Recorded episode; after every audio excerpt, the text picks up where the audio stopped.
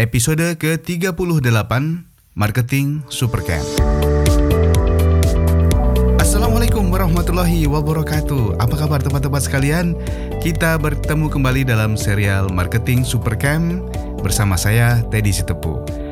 Ya, teman-teman sekalian, Marketing Supercamp adalah serial podcast yang membahas berbagai tema tentang marketing, berbagai inspirasi, tips, informasi, berbagai kebijakan, dan best practice di dunia marketing dan penjualan.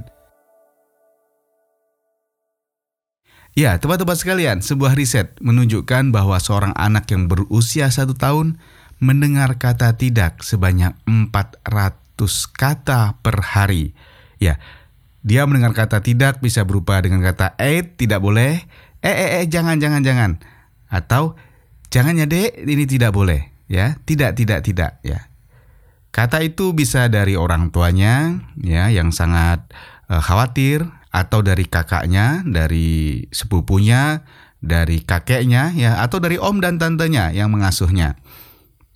Ya, Kemudian setelah anak itu berusia belasan tahun, maka dia telah mendengar 200 ribu kali kata tidak atau kata yang seperti itu. Kemudian setelah dia eh, remaja duduk di bangku SMA, paling tidak dia sudah mendengar 400 ribu kali kata tidak. Dan tentu saja setelah orang menjadi dewasa, dia makin sering mendengar kata tidak. Ya, dan tentu saja ini juga terjadi pada kita. Betapa sering kita mendengarkan kata tidak dalam hidup kita. Dan sebenarnya saat kita mendengar kata tidak itu baik-baik saja, tidak ada yang salah ya, tidak ada yang berubah. Kita eh, baik mendengarnya, kita oke-oke saja mendengarnya, ya paling kita menjawab oke. Sip, no problem, no worries ya. Dan atau kata-kata lain yang semisalnya saat teman kita, keluarga kita ya eh, atau pasangan hidup kita mengatakan tidak pada kita. Nah, kata tidak ini menjadi suatu masalah, jadi suatu problem ketika kita mulai menjual, ketika kita mulai menjadi entrepreneur, jadi pengusaha atau jadi sales profesional atau kita menekuni bidang network marketing. Kata tidak ini menjadi suatu monster yang menakutkan. Dua suku kata yang paling kita tidak ingin mendengarnya, yang paling alergi kita dengar yaitu kata tidak. Satu kata tidak ini, inilah yang sering membuat hilangnya semangat kita. Visi besar yang sudah kita bangun tiba-tiba runtuh kalau kita mendengar kata tidak. Ya, semangat yang menggebu tiba-tiba menjadi lemah ketika kita mendengar kata tidak. Hubungan yang ingin kita bangun tadi dengan sangat ramah tiba-tiba menjadi kering, tiba-tiba menjadi uh, tidak menarik lagi dengan orang yang mengatakan tidak itu. Nah, bagaimana sebenarnya sikap kita sebagai seorang entrepreneur, penjual, ya, sebagai sales profesional ketika menghadapi, ketika mendengarkan kata tidak dari prospek uh, yang sedang kita ajak bicara, yang sedang kita harapkan penjualan atau sedang kita harapkan pembelian darinya. Ya. Dan tentu saja ini menjadi penting sekali untuk kita mengetahui bagaimana kita mengelola kata tidak ini agar satu ya kita tidak eh, seperti tadi tidak hilang semangat, tidak kehilangan visi, tidak mengubah hubungan yang tadi sudah kita bangun menjadi hubungan yang kering dan hubungan yang tidak lagi menarik untuk dilanjutkan. Dan tentu saja setiap bisnis kita membutuhkan kata iya, suatu persetujuan ya, kata iya yang kita harapkan agar bisnis kita dapat berlanjut. Ya, hari ini kita akan bahas dengan ringkas bagaimana sikap kita seharusnya ketika kita mendengar kata tidak itu. Ya, langkah pertama ya tentu saja kita harus menyadari bahwa kata tidak itu bukanlah akhir dari segalanya. Kata tidak yang disampaikan oleh prospek kita bukanlah akhir, bukanlah akhir yang sebenar-benarnya akhir. Tidak itu bisa berarti kata bahwa eh, hari ini belum sesuai dengan dia. Hari ini eh, dia mengatakan tidak karena belum sesuai dengan kondisinya sekarang. Mungkin hari ini dia katakan tidak karena dia belum mendapat informasi yang lebih jelas tentang produk kita atau jasa yang kita jual. Hari ini dia mengatakan tidak mungkin karena dia masih ada prioritas lain Atau hari ini dia mengatakan tidak karena solusi yang kita tawarkan belum menjadi uh, sesuatu yang berharga di matanya ya dia belum paham apa uh, solusi yang bisa kita berikan ya dari produk dan jasa ini dalam masalah hidupnya. Itu kemungkinan besar yang terjadi ketika dia mengatakan tidak. Jadi dia bukan betul-betul menolak dan ingin mengakhiri hubungan uh, dengan kita. Dan tentu saja di sinilah letak kesalahan seorang sales ya mungkin saya teman-teman sekalian yang yang pernah bekerja atau berkecimpung di dunia penjualan dan sales sering melakukan hal ini. Ketika prospek mengatakan tidak maka kita anggap sangat serius sekali kita anggap dengan e, menjadi akhir dari segalanya ya. Dan mulai sekarang kita harus bertekad bahwa ketika mereka mengatakan tidak ini bukan akhir segalanya. Ya Langkah uh, berikutnya adalah kita harus menyadari bahwa kesalahan yang sering kita lakukan sebagai seorang sales, sebagai seorang profesional, sebagai seorang entrepreneur adalah dalam perbincangan, dalam pembicaraan, ya dalam offering kita selalu berpusat pada diri kita sendiri, pada bisnis kita. Semua soal kita, soal visi kita, soal ambisi kita, soal target kita, soal produk kita, soal keunggulan, kehebatan produk kita. Nah, seorang pakar sales pernah mengatakan dalam sebuah bukunya dan dalam berbagai uh, seminar yang disampaikan, cobalah memandang dari sisi prospek kita, dari sisi calon customer kita itu. Ubahlah pembicaraan dari yang semula soal kita menjadi semua soal mereka apa masalah mereka, bagaimana kabar mereka, ya, bagaimana kondisi mereka, tanyalah tentang kabar liburan mereka, tentang anak-anak mereka, ya, tentang bisnis mereka, apa kendala yang mereka hadapi, bagaimana mereka bisa berhadapan dengan kompetitornya, bagaimana produk mereka di mata eh, customer mereka, dan seterusnya. Segala sesuatu yang tentang mereka. Dengan demikian, kita bisa mendapatkan, bisa mendapatkan informasi bahwa mereka punya masalah, ada sesuatu uh, dalam istilah marketing pain, ada sesuatu problem yang mereka harus selesaikan.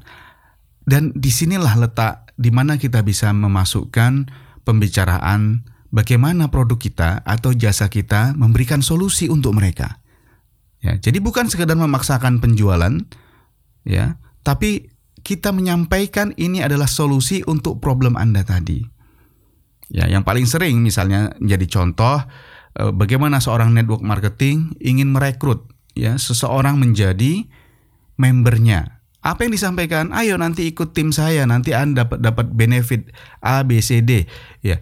Padahal dia belum mengetahui problem prospeknya. Dia belum mengetahui pain yang harus dihadapi oleh si prospek itu. Apakah produknya atau service yang dia tawarkan bisa menjadi solusi bagi problem yang dihadapi oleh prospek.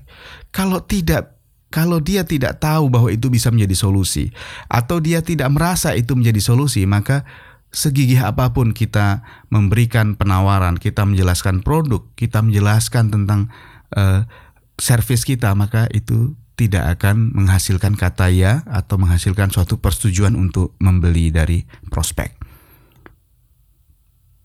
Nah, saat menelpon, ya, tanyalah bagaimana kondisi mereka, ya, telepon mereka, tanyalah kondisi mereka, bagaimana bisnis mereka hari ini, ya, bagaimana penjualan mereka. Kalau uh, kalau prospek ini adalah prospek bis, bisnis to bisnis. Kalau ini adalah keluarga atau seorang ibu rumah tangga atau seorang bapak, tanyalah kabar anak-anak mereka, keluarga mereka. Apakah mereka mendapatkan liburan yang uh, seru di musim liburan yang lalu?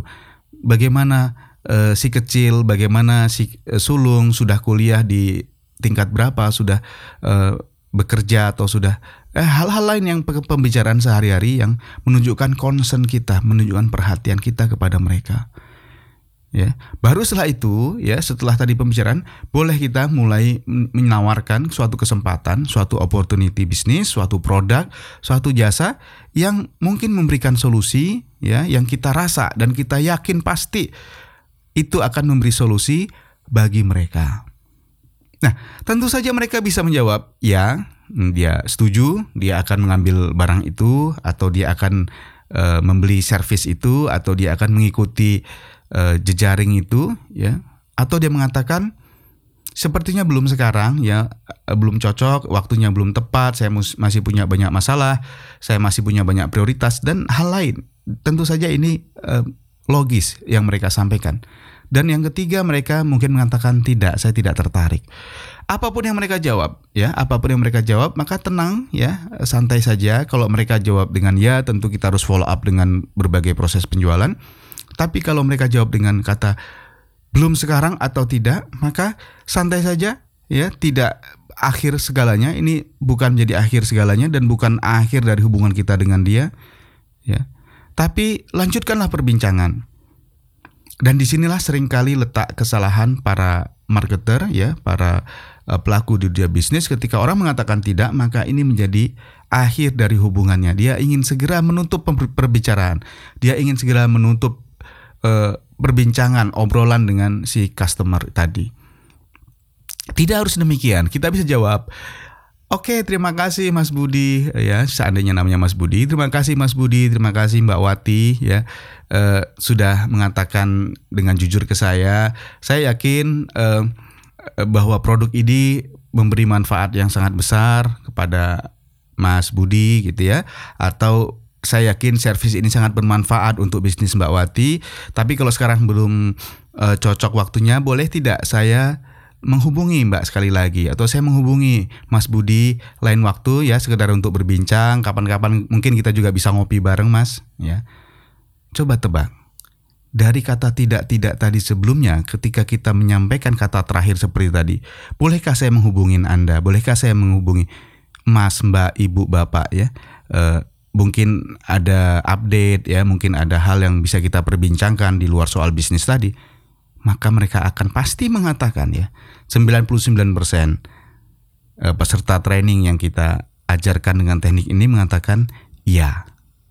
Ya prospek yang tadinya mengatakan tidak, tidak, tidak, tidak, tidak, ketika mereka mendapatkan suatu uh, offering untuk bisa berhubungan lagi, untuk bisa bertemu atau bertelepon uh, lagi setelah ini, maka mereka akan mengatakan iya, silahkan, tidak apa-apa, gitu. Dan inilah suatu langkah awal mengubah tidak menjadi iya, menjadi suatu kata-kata yang menjadi pembuka iya, ya. Kemudian lakukanlah, teleponlah saat yang dijanjikan. Ya. Uh, hubungilah atau kirim email atau minta bertemu, ajak ngopi bareng ya atau ajak uh, makan bersama untuk melanjutkan pem pembicaraan yang sudah dilakukan minggu sebelumnya atau bulan sebelumnya. Dan sekali lagi, mulailah dengan sesuatu yang ringan dengan pembicaraan-pembicaraan yang tidak langsung uh, soal bisnis, soal penjualan Anda, tapi tadi concern mereka apa? Apa masalah mereka sekarang? bagaimana uh, problem mereka. Nah, ketika Anda sudah mendapat informasi semua tadi, maka gunakan informasi tadi untuk memformulasikan perbincangan kita untuk memberikan keyakinan, untuk memberikan informasi baru, untuk memberikan pendapat baru, untuk memberikan keyakinan baru bahwa produk Anda, servis Anda akan menyelesaikan masalah mereka. Ya. Jadi satu kali kata tidak bukan berarti berakhir. Lanjutkan, buka hubungan, dan kemudian lakukan perbincangan secara natural, kemudian eh, kita bisa mencoba sekali lagi untuk menawarkannya. Dan kalaupun ini belum berhasil, janganlah hentikan hubungan, jangan hentikan perbincangan, lanjutkan perbincangan untuk suatu saat lagi. Ya. Dan tentu saja untuk ini kita tidak hanya bisa bergantung pada satu prospek. Inilah pentingnya kita punya banyak prospek sehingga kita bisa punya alternatif lain yang uh, hari ini belum mungkin yang prospek lain uh, sudah sampai pada tahap menyetujui. Ya, teman-teman sekalian, ini bukan uh, suatu teori saja, tapi saya ingin menyampaikan bahwa hal ini sudah menjadi bukti dan sudah menjadi uh, banyak menjadi pintu keberhasilan para sales dan yang paling baru-baru ini saya alami ya uh, kejadian serupa bukan saya sebagai penjual, tapi seba saya sebagai pihak yang menerima suatu penawaran jasa. Kebetulan kami membutuhkan suatu konsultan untuk membuat produk finansial dan e, kemudian menawarkannya kepada e, pasar modal. Dan seorang e, di bidang itu, ya seorang e, managing director di bidang itu datang kepada saya menawarkan produknya. Ya, karena produknya cukup mahal menurut saya saat itu, eh, jasanya mereka, jasa yang mereka tawarkan sangat mahal, eh, saya hanya bisa mengatakan tidak. Apa yang dilakukan oleh si managing director? Dia mengatakan, "It's okay Pak, tidak masalah. Eh, kami senang sudah bisa bertemu hari ini. Kami senang bisa ikut memikirkan, membantu Bapak mencari solusi pendanaan di bisnis Bapak. Ini kartu nama saya, barangkali kapan kita kontak." Uh, boleh saya telepon Pak Teddy kapan-kapan? Nah, itu dia katakan dan tentu saya dari kata-kata yang tadi saya katakan tidak, saya belum bisa menerima offering dia, masih terlalu mahal. Saya mengatakan iya. Silahkan Mas, silahkan Pak, kita boleh kontak lagi. Begitu kata saya. Kemudian benar saja uh, dua minggu setelah pertemuan pertama dia menelpon saya, tidak menanyakan bisnis, tidak menanyakan sesuatu tentang proposal dia. Yang dia tanyakan adalah ada waktu kosong Pak, saya pengen ini ngajak Pak Teddy untuk ngopi-ngopi sebentar gitu ya. Ada update tentang industri mungkin Bapak tertarik mendengarnya. Dan betul saja, sekedar ngopi, dia menceritakan banyak hal yang terjadi di dunia pasar modal tentang tingkat suku bunga, tentang produk baru yang bernilai syariah, tentang sebuah perusahaan yang akhirnya default ya dalam uh, bisnis mereka dan banyak hal yang hal-hal yang tadinya saya tidak tahu, yang tadinya saya tidak mengerti tentang dunia itu dengan lebih komprehensif. Karena si managing director ini adalah orang market, maka dia bisa paham sekali banyak hal dan memberikannya kepada saya secara gratis informasi dan uh, advice secara gratis kepada saya tentang apa-apa yang terjadi dan apa-apa yang harus saya lakukan di kemudian hari. Dan tentu saya saja saya senang dengan sesi itu eh, dengan hanya sekedar ongkos ngopi ya, ngopi sore, ongkos yang sangat murah ya, kadang-kadang dia yang membayar malah. Nah, itu terjadi hampir tiga bulan ya. Bulan pertama ketemu sekali dua kali, bulan kedua ketemu lagi, bulan ketiga ketemu dan akhirnya saya sangat familiar dengan dia. Saya sangat percaya dengan apa yang dia katakan dan kemudian suddenly ya tiba-tiba saya merasa bahwa saya butuh jasa dia ya Anda bisa lihat betapa ada titik balik yang saya alami di mana yang semula saya merasa mahal sekali saya merasa uh, untuk jasa seperti itu kok mahal sekali tiba-tiba saya justru merasa kalau tidak dibantu dia sepertinya saya tidak akan berhasil ya. Karena saya paham orang ini sangat jujur pada saya dan saya paham orang ini sangat membantu saya dibayar ataupun tidak dia sangat membantu saya. Kapan saja saya telepon dia datang, kapan saja uh, dia lewat kantor saya dia dia mampir untuk sekedar menyampaikan beberapa hal yang penting buat bisnis saya. Dan tiba-tiba saya mengatakan padanya, Pak dulu proposalnya kalau tidak salah pernah uh, disampaikan ya ke bagian keuangan. Boleh nggak dikirimkan lagi ke saya? Nah, dan saya lihat yang kedua kali dikirim kepada saya angka yang sama ya itu menjadi terasa kecil dan akhirnya saya menandatangani proposal mereka dan akhirnya mereka membantu kami dalam membuat satu instrumen keuangan dan alhamdulillah sekarang sudah berhasil kami terbitkan dan sudah membuahkan suatu bisnis yang luar biasa. Ya, itu perjalanan dari kata tidak menjadi kata ya. Ya, baik secara teori, secara tadi uh, tips, trik tadi ya, atau secara praktek yang sudah saya alami maupun yang terjadi pada saya sendiri ya terjadi uh, yang dilakukan oleh uh, managing director tadi itu kepada saya. Dan memang menjadi nyaman di pihak konsumen ya atau prospek ya di pihak seperti saya tadi ketika proposal yang hanya berisi angka kering kemudian bisa di follow up dengan pertemuan-pertemuan santai, pertemuan-pertemuan yang memberikan saya banyak insight, banyak inspirasi banyak informasi, banyak pengetahuan yang semula saya tidak tahu, sekarang saja saya tahu, maka harga yang tadi mahal menurut saya luar biasa mahal itu menjadi murah. Dan ternyata setelah dijalani ternyata memang menghasilkan sesuatu yang lebih daripada biaya yang saya keluarkan menjadi suatu bisnis yang menguntungkan buat saya. Nah, teman-teman sekalian, belajar dari hal ini Mungkin teman-teman sedang struggle sekarang menawarkan proposal, sedang struggle menawarkan uh, suatu price list kepada konsumen, ya jangan menyerah. Ini bukan akhir dari segalanya ketika dia mengatakan tidak.